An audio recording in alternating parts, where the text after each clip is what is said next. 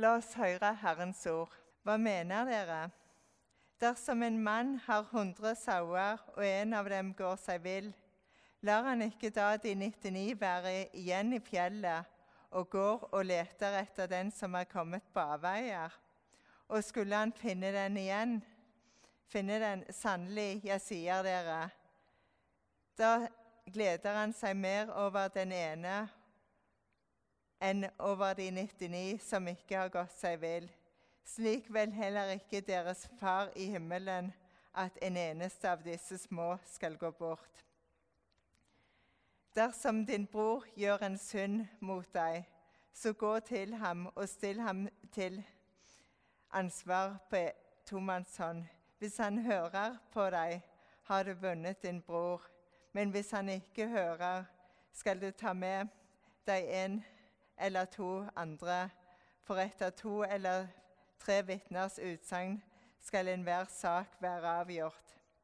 Hvis han ikke hører på dem heller, skal du si, de, eh, si det til menigheten. Hvis han ikke engang vil høre på menigheten, skal han være som en hedning eller toller for deg.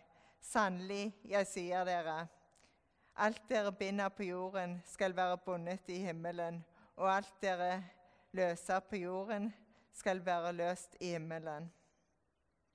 Slik lyder det hellige evangelium. Dagens pregentekst er en fjerde av totalt fem taler som Jesus har i Matteusevangeliet. Det er en del av Jesu disippeltale, som består av to deler. Den første delen består av barnas betydning i Guds rike og besvare disiplenes spørsmål om hvem som er størst i Guds rike. Denne del av talen avsluttes med å vise Guds omsorg for sine små gjennom lignelsen om den bortkomne sauen. Den andre del av Jesu disippeltale handler om hva en gjør når en disippel i det kristne fellesskapet synder. Dagens bibeltekst sier om hvor betydningsfull hver enkelt av sauene er for eieren av de 100 sauene. Det kan virke som det gjerne ikke har så mye å si om det er en sau fra eller til, om det er 100 eller 99. Ved et raskt overblikk kan det virke som alle sauene er der. Det kan være vanskelig å se at den siste sauen mangler. Men sauen som gikk seg vill, var så betydningsfull for eieren at eieren gikk og lette etter den. Mannen gleda seg stort om sauen kom tilbake. Denne fortellingen viser hvordan Gud ser på hver enkelt av oss. Gud gir oss ikke opp. Hver enkelt av oss har så stor betydning for Gud. Gud venter på at den som går seg vekk, skal komme tilbake. Gud fyller alle med. Vi er mer enn et tall. Vi er mer enn én en i mengden. Gud ser til hver enkelt av oss og ønsker at vi alle skal tilhøre Han. Samtidig kan bibelteksten virke provoserende i forhold til de 99 som har vært en del av flokken og alltid vært trofaste. Og så skal den sauen som gikk vekk, være den gjeveste om han kommer tilbake. Skal saueeieren bry seg mer om den ene som hadde gått vekk, enn de 99 som alltid var der? Jeg tenker at det ikke er meint at de 99 er mindre viktige. Jeg tenker at det er som om saueeieren regner med at de andre er der fortsatt og passer på hverandre. Mannen fokuserer derfor på å lete etter den bortkomne sauen og få den tilbake til fellesskapet igjen at det er derfor oppmerksomheten rettes på den bortkomne sauen. Fellesskapet var så viktig for saueeieren at han gikk for å lete etter sauen som var kommet vekk. Den bortkomne sauen tilhørte fellesskapet. Vi er kalt til å være et fellesskap. Tenk bare hvordan disiplene brukte tid sammen med Jesus. Jesus lærte dem hvordan de skulle leve. Jesus lærte de holdninger og hvordan de skulle møte folk. Jesus ga dem ikke bare en instruksjonsbok om hvordan de skulle kunne være en god disippel. Jesus tilbød dem å være en del av hans fellesskap. Det var gjennom fellesskapet de var formet som disipler. Vi oppfordres til å møte våre medkristne med samme omsorg. Dagens pregentekst slutter ikke her. Det, det, som står i de neste versene, er hvordan en skal irettesette andre truende, såkalt broderomsorg. De neste bibelversene kan leses ut fra domsordet eh, for den dårlige hyrde, som det står om i versene før dagens pregentekst. I verset før dagens pregentekst advares det mot å forføre og forakte personer i menigheten. Guds hyrdeomsorg blir på denne måten et forbilde på den omsorg vi skal ha for hverandre. Bibelverset om Guds broderomsorg kan dermed leses ut fra denne sammenhengen. I verset om broderomsorg står det at en først skal forsøke å gi beskjed på tomannshånd. Dersom vedkommende ikke korrigerer sin atferd, skal en prøve igjen, med vitne til stede. Etter stadige forsøk uten at vedkommende endrer sin holdning, skal en se på han som en hedning eller toller. Det innebærer at en ikke lenger tilhører fellesskapet. Det virker som om denne delen av pregenteksten sier det motsatte av hva den første delen sier. I historien om den bortkomne sauen fortsatte saueeieren å lete etter den bortkomne sauen. Så hvordan henger disse to fortellingene sammen? Den del av pregenteksten som omhandler broderomsorg, handler også om fellesskap. Når det står 'dersom din bror gjør synd mot deg', innebærer ordet 'bror' at han tilhører det kristne fellesskapet. Ved at det sies om, som en del av Jesu disippeltale, innebærer det at det er en korrekt som blir gjort overfor en som regnes som en disippel. Ifølge forfatter og forkynneren eh, Edin Løvaas er det seks kjennetegn på det å være en disippel. Disse er at en har en personlig relasjon til Gud. En lever dagliglivet sammen med Jesus. I tillegg skal en stadig bli mer lik Jesus. Og at Jesu interesse blir mer og mer lik ens egne. Og at en lever i fellesskap med andre disipler og at en forenkler ens liv sånn at en kan leve som en disippel.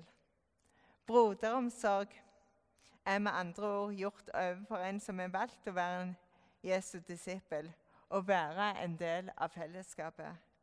På samme måte som Jesus lærte disiplene opp og ga dem korreks når de gjorde noe galt, skal vi også gi beskjed til en som regnes som en Jesu disippel så vedkommende får mulighet til å forandre seg.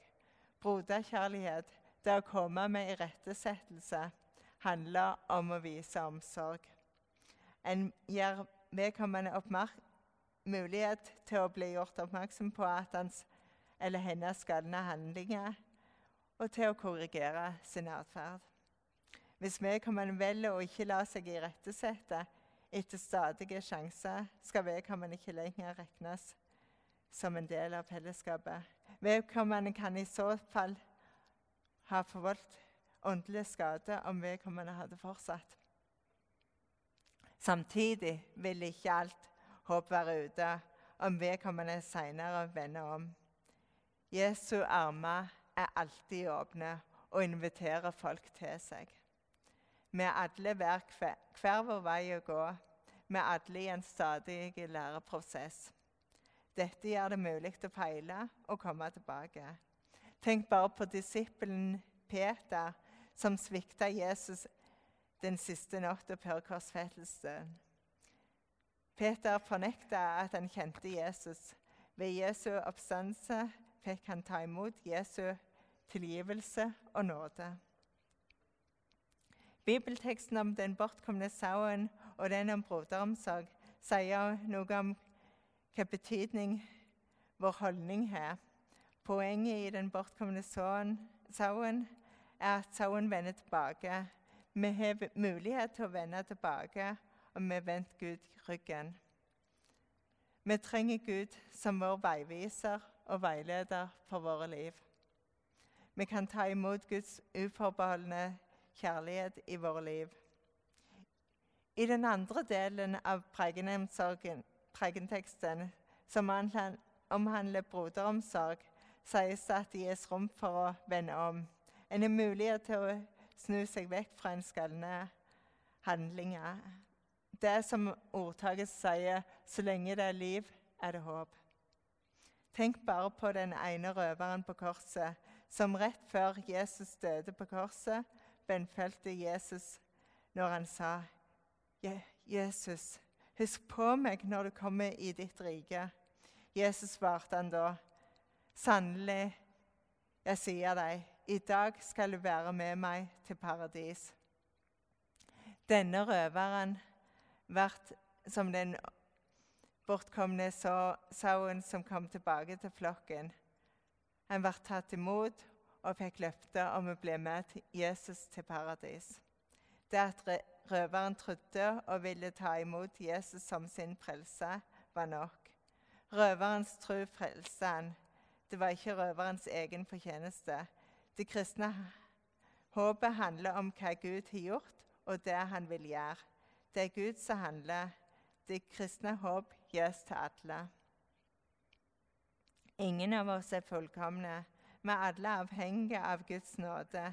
Derfor ber vi om hjelp til å vende oss vekk fra det onde når vi ved forsagelsen ved dåpen sier 'Jeg forsaker djevelen og alle hans gjerninger og alt hans vesen'. Å forsake betyr å si nei. Vi nekter å gi djevelen plass og velger i stedet at Jesus skal ha en sentral plass i våre liv. På grunn av Guds nåde får vi tilgivelse for våre synder. I nattverden får vi til, eh, påminner vi og bekjenner hva Jesus har gjort for oss. Vi påminner og bekjenner at Jesus ga sitt liv med sin kropp og sitt blod for vår skyld. Vi får ta imot hans tilgivelse når vi tar imot hans kropp og sitt blod, som Jesus sier at brød og vinen er. I tillegg innebærer nattverden en feiring av fellesskap med Jesus og med andre truende. Vi er alle kalt inn til å være en del av Jesu fellesskap. Jesus inviterer og ønsker å ha alle med seg i sitt fellesskap. Ære være Faderen og Sønnen og Den hellige ånd som var og er og blir en sann Gud fra evighet og til evighet.